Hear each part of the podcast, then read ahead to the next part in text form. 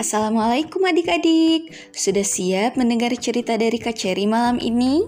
Kali ini kakak akan menceritakan sebuah kisah berjudul Kisah Kekuatan Istighfar. Selamat mendengarkan.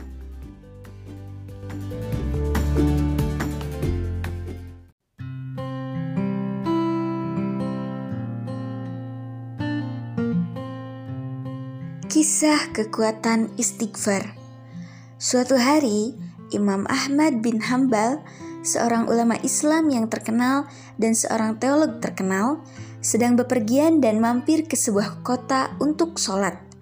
Setelah sholat, dia memutuskan untuk bermalam di halaman masjid karena tidak mengenal siapa pun di kota itu. Akan tetapi, seorang penjaga masjid yang tidak mengenali dirinya menolak untuk mengizinkannya tinggal di masjid dan menyeret Imam Ahmad untuk keluar dari masjid.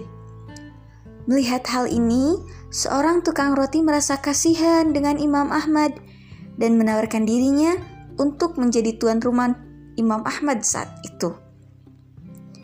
Setelah tinggal dengan tukang roti, Imam Ahmad mengamati tukang roti yang terus melafalkan istighfar. Imam Ahmad kemudian bertanya kepada tukang roti, apakah mengucapkan istighfar secara terus-menerus berpengaruh dengan hidupnya? Tukang roti menjawab dengan memberitahu Imam Ahmad bahwa Allah telah menerima semua permohonannya, kecuali satu, yaitu memberinya hak istimewa untuk bertemu dengan ulama terkenal, yaitu Imam Ahmad bin Hambal.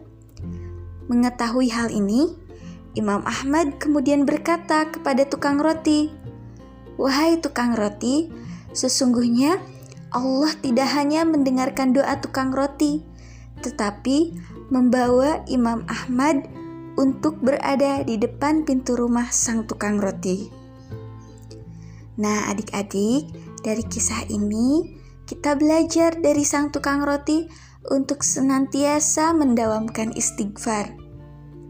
Karena kita tidak tahu istighfar kita yang mana yang akan membuat kita diampuni dosanya oleh Allah dan istighfar kita yang mana yang akan membuat Allah mengabulkan doa-doa kita.